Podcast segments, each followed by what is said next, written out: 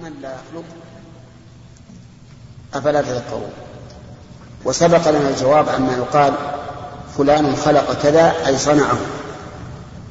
بأن هذا الخلق الذي يحدث من الآدمي ليس هو الخلق الذي يكون لله الخلق الذي يكون لله إيجاد من عدم. والخلق الذي يكون للإنسان تحويل وتغيير لشيء مخلوق لكن يصنعه على كيفية معينة ومع ذلك فإن فعل العبد مخلوق لله عز وجل. فيعود فعل العبد خلقا لله لأن لأن فعل العبد صادر عن إرادته وقدرته وتصوره والله سبحانه وتعالى هو الذي خلق ذلك كله. فيكون الخلق إذن كله لله سواء ما خلقه الله عز وجل واستقل به أو خلقه الآدمي. البارئ أيضا لا أحد يبرأ النسمة ويحييها وينشئها إلا الله عز وجل.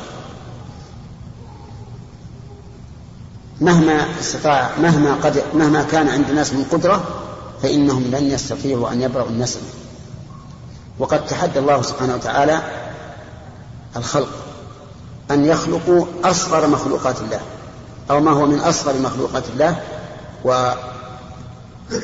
وأهونها وهو الذباب. فقال إن الذين تدعون فقال يا أيها الناس ضرب مثل فاستمعوا له. أمر الله عز وجل أن نستمع وأن ننصت لهذا المثل لأنه مثل عظيم. إن الذين تدعون من دون الله لن يخلقوا ذبابا ولو اجتمعوا له. كل من عبد من دون الله ومن عبد من دون الله فهو في نظر الخلق فوق رتبة الخلق. فإذا كان هذا للأعلى لو اجتمعوا لم يخلقوا ذبابا فمن دونهم من من العباد الذين يعبدونهم من باب من باب من باب أولى. لن يخلقوا ذبابا ولو اجتمعوا. ثم أضاف إلى ذلك وإن يسلبهم الذباب شيئا لا يستنقذوه منه. يعني لو أخذ الذباب منهم شيئا ما استطاعوا أن ينقذوه أن يستنقذوه منه. كيف الذباب يأخذ منه؟ شيئا. صورها بعض العلماء قال إن هذه الأصنام يجعل عليها أشياء من الطين وغيره فيأتي الذباب فيقع على هذا الطين فيعلق بأيديه الذباب. نعم. ولا يستطيع هؤلاء أن يستنقذوا ما تعلق بأرجل الذباب من الذباب. طيب إذن الخلق والبرء خاص بمن؟ بالله عز وجل. المصور كذلك تصوير خاص بالله عز وجل. ولهذا أنكر الله عز وجل على من يصور ويخلق كخلقه فقال ومن أظلم ممن ذهب يخلق كخلقه. من أظلم؟ يعني لا أحد أظلم لأنه ينازعني في الربوبية. الذي يصور كما يصور الله ينازع الله تعالى في الربوبية. كأنما يقول بلسان حاله أنا أقدر على أن أفعل كما فعل وأصور كما صور. ومن المعلوم أن التصوير خاص بالله عز وجل.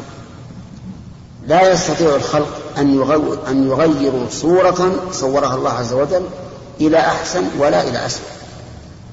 أبدا.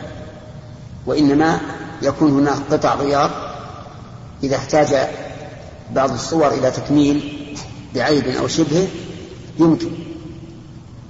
أنف انقطع مثلا يمكن للبشر أن يجمع من من بقية الأجزاء أجزاء البدن ما يصور فيه هذا الأنف أو ما أشبه ذلك. لكن التصوير كامل لا يمكن أبدا. لا يمكن لأحد أن يغير صورة صورها الله إلى حسن أو إلى قبح. ربما إلى قبح قد يكون. يجني على هذا الرجل جناية تغير ملامح وجهه مثلا. لكن على أنه تصوير لا يمكن.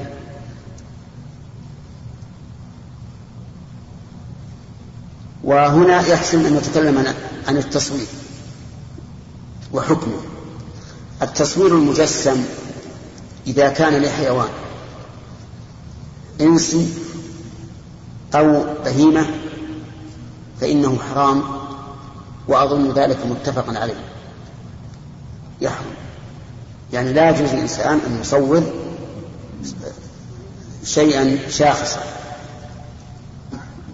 على صورة إنسان أو صورة بهيمة وهذا بالاتفاق. وسواء صوره بيده أو صنع آلة تكون مجوفة ومخططة بحيث إذا وضع فيها عجين أو شبهه انطبع حتى يكون صورة. فإن هذا كله كله حرام ولا يجوز. أما إذا كان التصوير بالتلوين يعني ليس جسما يلمس وإنما هو لون فقد اختلف العلماء فيه قديما وحديثا حتى وإن صور باليد.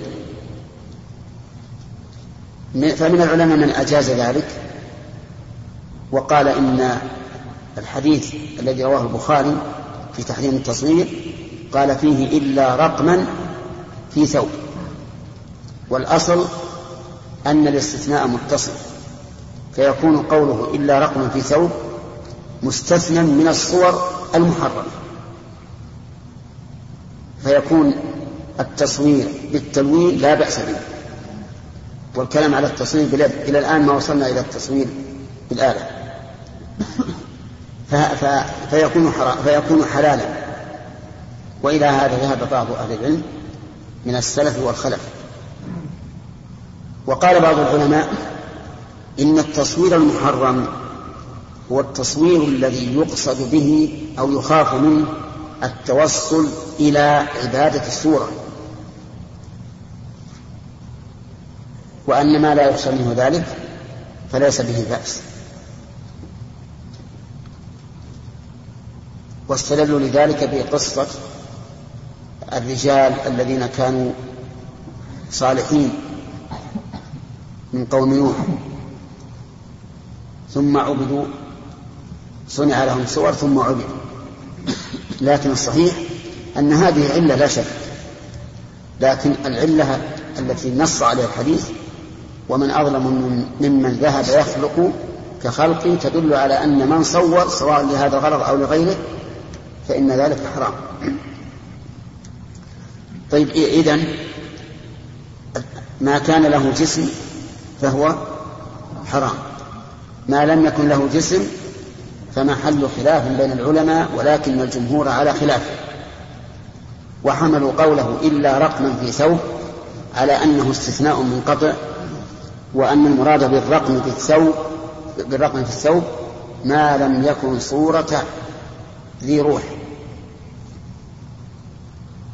واستدل هؤلاء الذين قالوا بذلك وهم الجمهور بحديث علي بن أبي, علي بن أبي طالب رضي الله عنه حين بعث أبا الهياج الأسدي وقال له ألا أبعثك على ما بعثني عليه رسول الله صلى الله عليه وآله وسلم ألا تبع صورة إلا طمستها ولا قبرا مشرفا إلا سويته. قال صورة إلا طمسته وفي لفظ تمثالا إلا طمسته ولا قبرا مشرفا إلا سويته.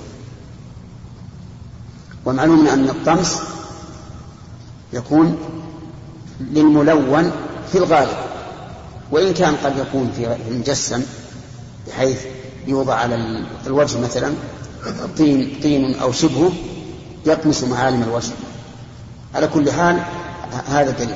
واستدلوا أيضا بحديث النمرقة حين جاء النبي صلى الله عليه وسلم إلى بيت بيت عائشة فإذا فيه نمرقة وفيها صور فلم يدخل عليه الصلاة والسلام وعرفت الكراهية في وجهه.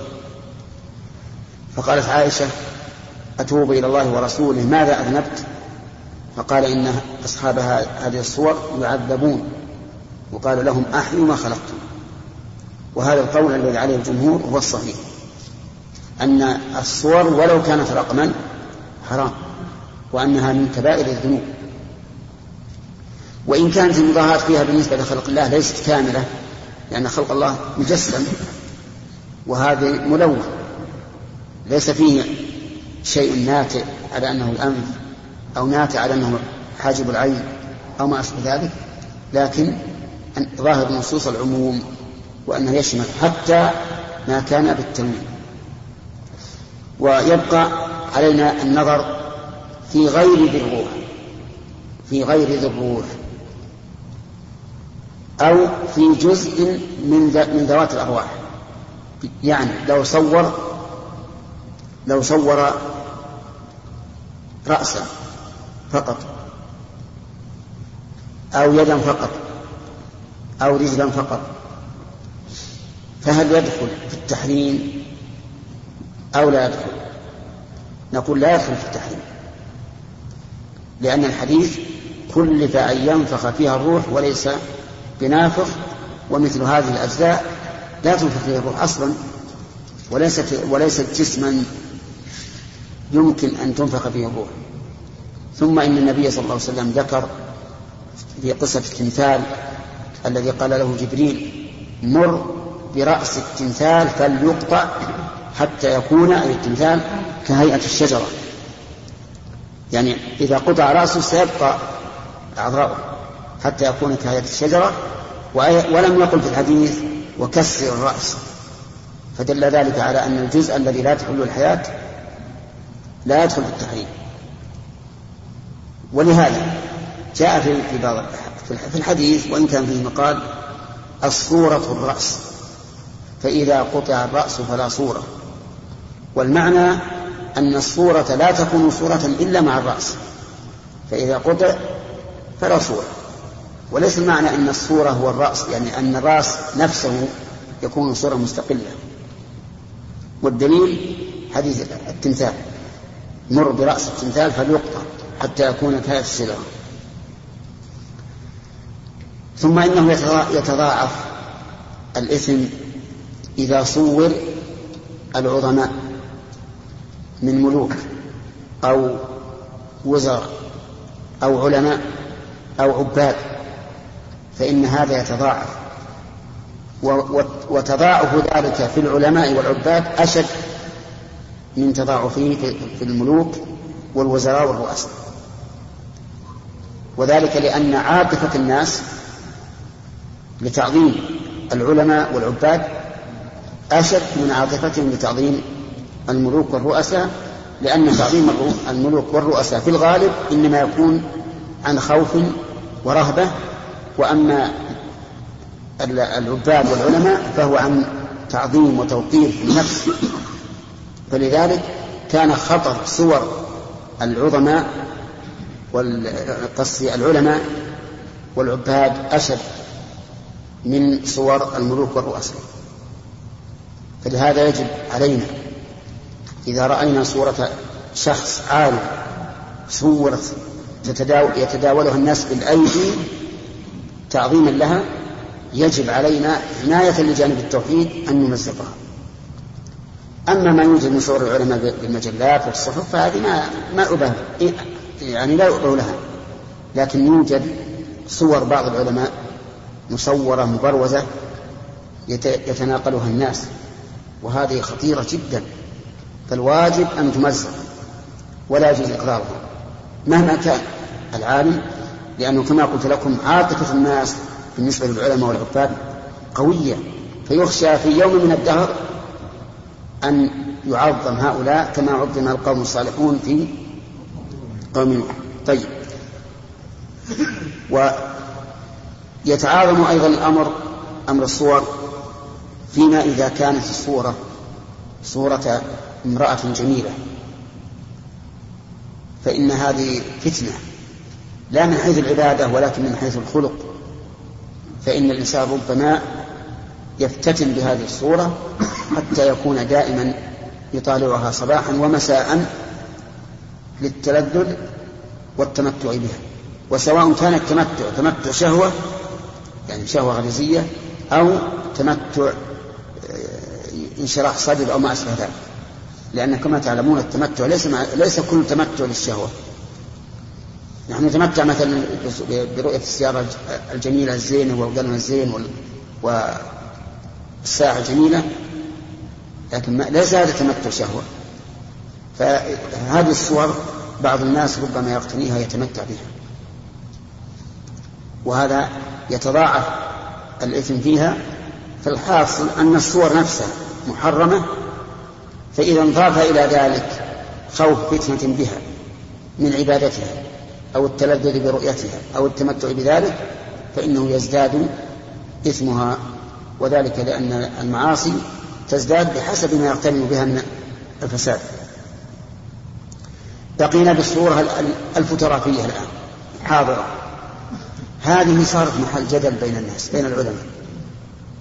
المعاصرين بعد أن ظهرت هذه الآلة صارت محل جدل ونقاش فمن العلماء من منعه سدا للذريعة وأخذا بظاهر بظاهر العموم. وقالوا إن حركة الإنسان بهذه الآلة أو تحريكه هذه الآية هذا هو التصوير ومن العلماء من أجازه وقال هذه ليست تصويرا والإنسان المصور لا يشعر بأنه حاذق وأنه جيد ولهذا لا يمدح الرجل الذي يطلق يطلق آلة التصوير حتى تصور لا يمدح يقال ما أحدقه ما أجوده. لكن لو يأتي إنسان يخطط صورة حتى تكون كالمصور قيل ما أحدقه وما أعظم يعني وما أمهره. ما أعظم مهارته. فليست في حقيقة تصوير لكنها التقاط صورة التقاط صورة. صورها الله عز وجل.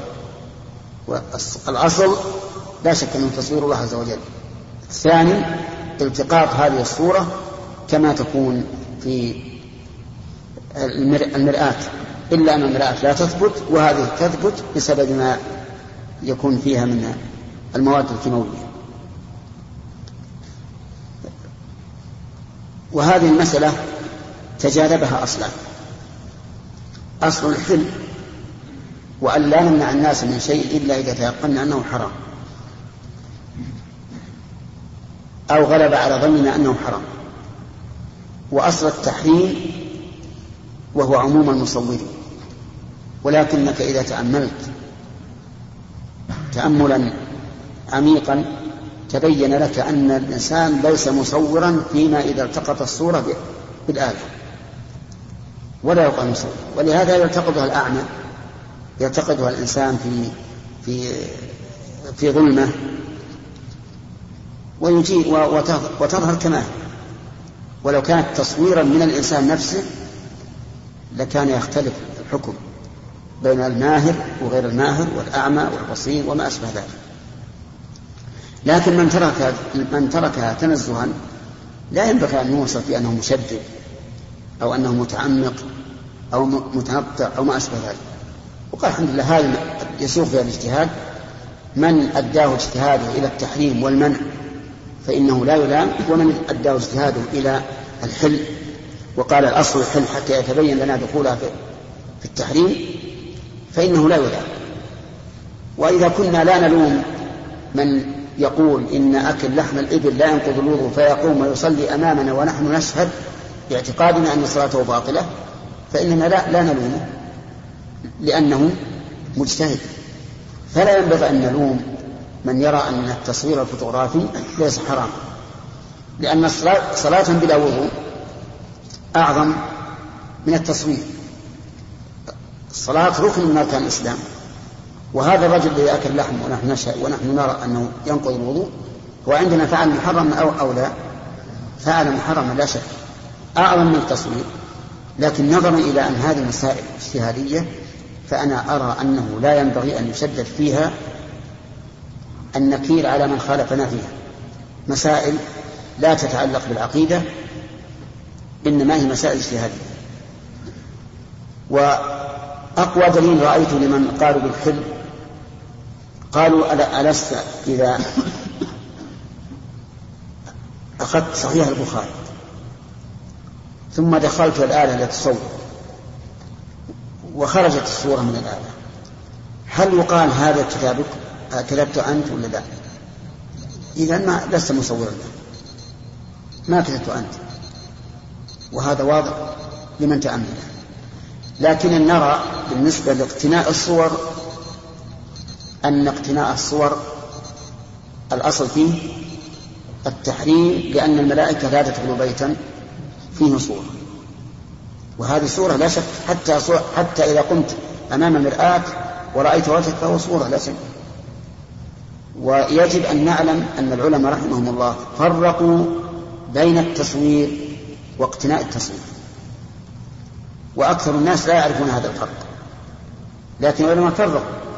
فقال في مثل زاد المستقنع وهو مختصر من من كتب الفقه قال يحرم التصوير واستعمال. ففرق بين التصوير وبين استعماله وقالوا يجوز استعمال التصوير أو الصور فيما يمتهن كالفرش والمخدات وما وما أشبه ذلك والخلاف في هذا أيضا معروف. بعض العلماء يقول لا يجوز حتى فيما يمتهن بل يجب أن يقطع الرأس حتى تكون بلا رأس.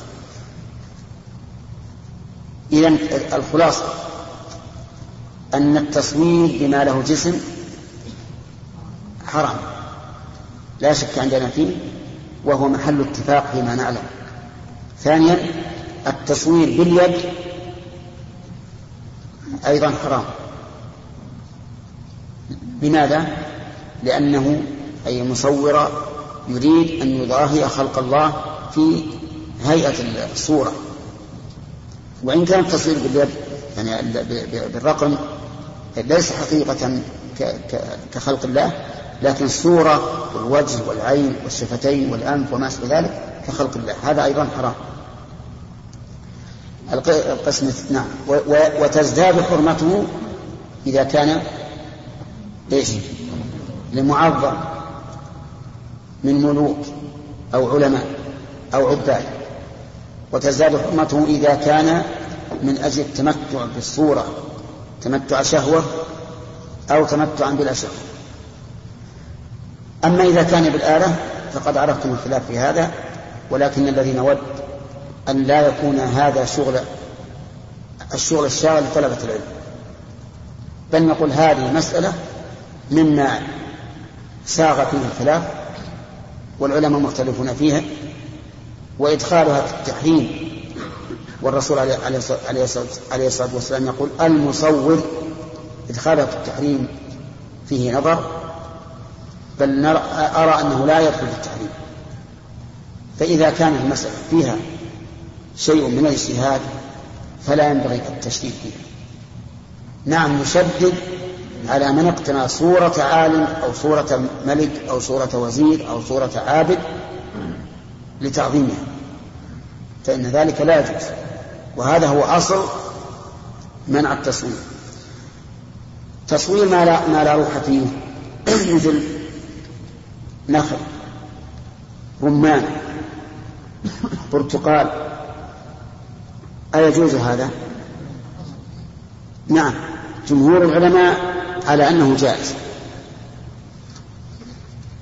وقال مجاهد وهو إمام من أئمة التابعين إنه لا يجوز أن تصور الشجر وما أشبهه لأن الله قال في الحديث القدسي ومن أظلم ممن ذهب يخلق خلقه فليخلقوا حبة أو ليخلقوا شعيرا ومعلوم أن أن الشجر النامي ينفرد الله به عز وجل هو الذي خلقه. إن الله فالق الحب والنوى. فمن صوره فقد صور كما صور الله خلق كما يخلق الله. لكن الصحيح أنه جائز وهو الذي عليه الجمهور وهو الذي أرشد إليه ابن عباس رضي الله عنهما المصور. حين رآه يصور الآدميين فنهاه. وقال إن كنت فاعلا يعني فصور الشجر وما أشبهه. طيب تصوير السيارات والدركترات والطيارات والقصور. نعم؟ يجوز ولا ما يجوز؟ ليش؟ لأن هذا صنع الآدمي. الآدمي هو الذي يصنعه بيده. فإذا جاز الأصل نعم جاز الفرع. طيب تصوير الأنهار.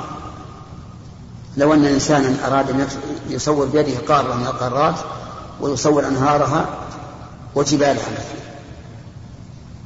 أيجوز أو لا يجوز؟ يجوز. لماذا؟ لأنها لا ليست نامية لأنها ليست نامية والإنسان يجوز أن يحفر في الأرض جدولا يجري فيه الماء. ولا يقال إنك خلقت نهرا. نعم. وهذه قناة السويس كان بالأول ما فيه قناة. كانت بالأول آسيا مع أفريقيا ليس بينهما حائل. في أرض يابسة يذهب الناس على الإبل من آسيا من غرب الجزيرة إلى إيش؟ إلى مصر. ما فيه ماء ولكنهم شقوا القناة فصارت بحرا. اتصل البحر الأبيض بالأحمر وهذا لا بأس به ولا إشكال فيه. نعم. الله إليكم ذكرتم بأن التلوين باليد لا يجوز على الظاهر عندكم. كما أن التصوير بالكاميرا فوتوغرافية لا بأس به. نعم. لكن أحسن الله إليكم إذا كانت الصورة تتضمن الأمرين بمعنى التصوير الفوتوغرافي والمعالجة باليد. لأن غالب الصور الآن أحسن الله إليكم. صحيح في بعض الكاميرات فوتوغرافية من حين تضغطها تطلع الصورة كاملة. نعم. لكن في بعضها وهذا أكثر أنك إذا صورت الصورة لابد من تحميض ومعالجة بالألوان حتى تخرج هذه الصورة. نعم. وش تقولون فيها هذه؟ هل نقول العبرة بالأصل؟ وأن التلوين هذا والتحسين ليش يلون يكتبون هذه يصلحون؟ هذه تحسين ظهر اللي يظهر لي ان الاحتياط بهذا أن يمنع. الاحتياط يمنع. لأن الصورة اللي تأتي على الفيلم إذا رأيتها وجدتها مشوهة. أحيانا لا تعرف من لمن هي. فإذا كانت يدخل عليها تحسينات فالظاهر أنها للتحريم أقرب. نعم يا شرف بارك الله فيكم. هذا القول بقول أن من قال يجوز استعمال الصور في الوسائل والفرش وما اشبه ذلك ألا يمنع هذا دخول الملائكة في عروض الحديث؟ إيه. طيب امتناع امتناع دخول الملائكة هل هو إكرام للشخص أو إهانة؟ الثاني الثاني هل الإهانة تكون لشخص فعل ما أباحه الله له؟ لا لا إذا كل شيء مباح فليس فيه إثم ولا عقوبة.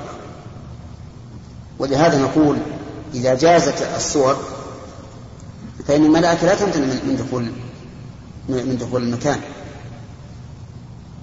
ولكن يبقى فيه فيه, فيه دراهم تسمى الدراهم الفرنسية. ما أدري عرفتموها ولا لا؟ نعم. ها؟ لا فرنسية معروفة. تسمى الدراهم الفرنسية. نعم. فرنسي. موجود. نعم. على كل حال كان موجود عندكم إن شاء الله نأتي لكم بدرهم تطلعون عليه ويرجع إلينا إن شاء الله. نعم. هذه فيها صورة صورة إنسان. فيها صورة إنسان وإنسان كافر وتلمس يعني نافئة وكان العلماء قد أباحوها للناس من قديم الزمان. وفيه شيء أيضا جنيه ذهب. يسمونها الناس الجنيه الفرنجي فيه صورتان صورة من من أحد الوجهين صورة جورج ملك الإنجليز. والصورة الثانية فارس. فارس على فرس. تشاهد وتلمس بيدك. وكان الناس يتناقلون هذه الجنيهات والعلماء قد أباحوا ذلك لهم. فما هو وجه الإباحة؟ وجه الإباحة هو الضرورة. الضرورة لأن الناس لا يمكن أن يتركوا هذه النقود ولا يمكن أن الإنسان يعني يتخلى عنها لكن رأيت بعض الناس إذا قام يصلي الآن أخرج الدراهم التي معه. الدراهم اللي فيها صور فيها صور الملوك. أخرج الدراهم وجعلها أمامه. يعني بدل أن تكون مخفاة في مخباته صار يصلي إليها. أيهما أعظم؟ الثاني ولا الأول؟ الثاني. لكن لو جاء أحد من الناس والتقطها. نعم. هل يجوز أن يقطع صلاته ليلحقه؟ نعم. إي نعم. لأن هذا يريد أن يأخذ ماله. نعم حبيب. إيه. كاميرات الفيديو ما, ما فيها بأس. ما فيها بأس. وأنا أنقل لكم ما عرض على المجلس هيئة كبار العلماء وصار أكثرهم يقول لا بأس به حتى إنهم أرادوا أن يصدروا فتوى بأن تصور المحاضرات في المساجد. لكن رأوا أن من المصلحة عدم ذلك. عدم إدخال المساجد لأن العامة يخشى منهم أن يكون منهم ثورة فتركوها. ولا ما كان عندهم يعني يرونه ما في بأس فإذا صور فيها أشياء فيها مصلحة فلا حرج.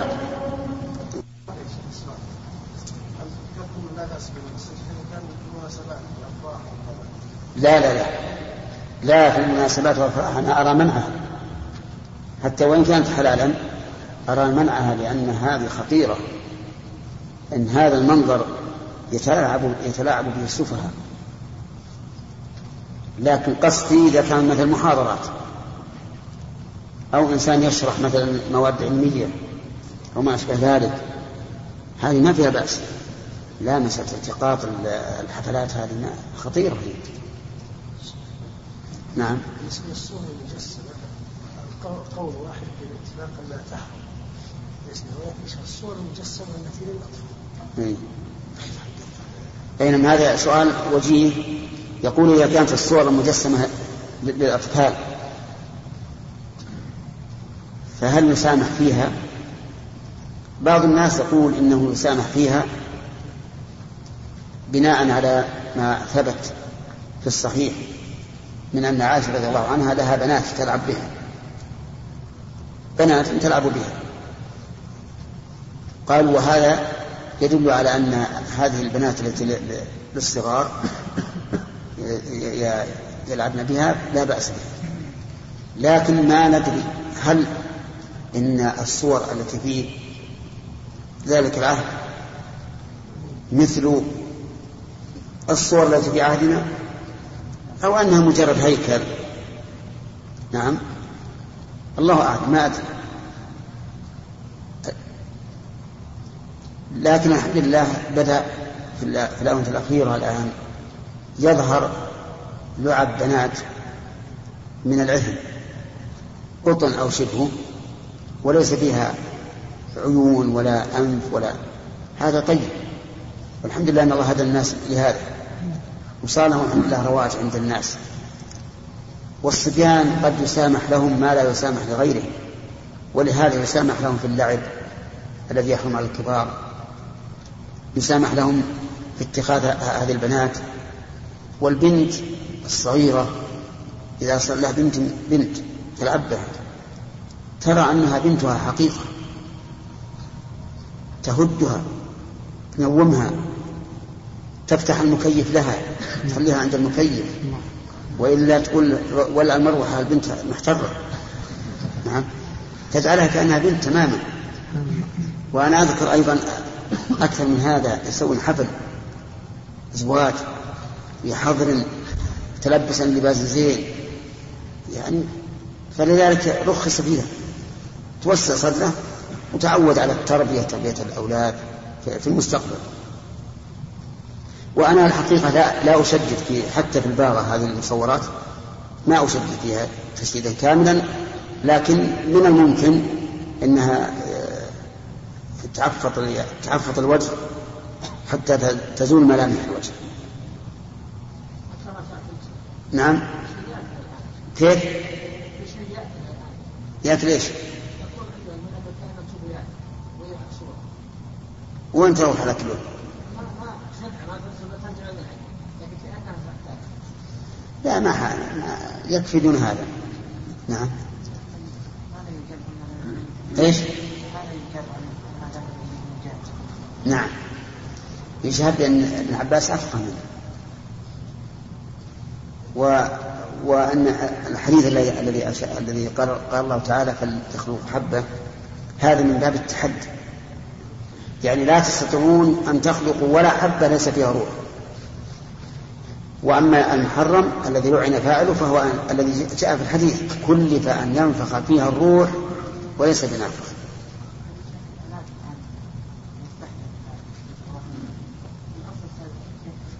كيف؟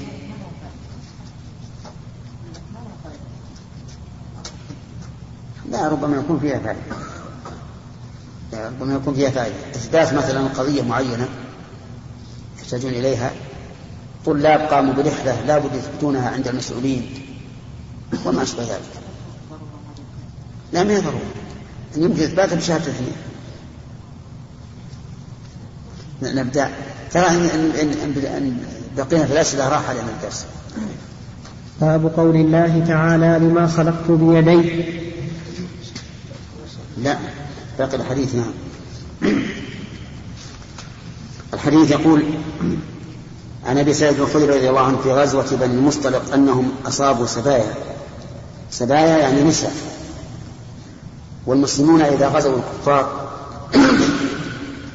ثم غلبوهم ووقع في أيديهم أحد من المشركين.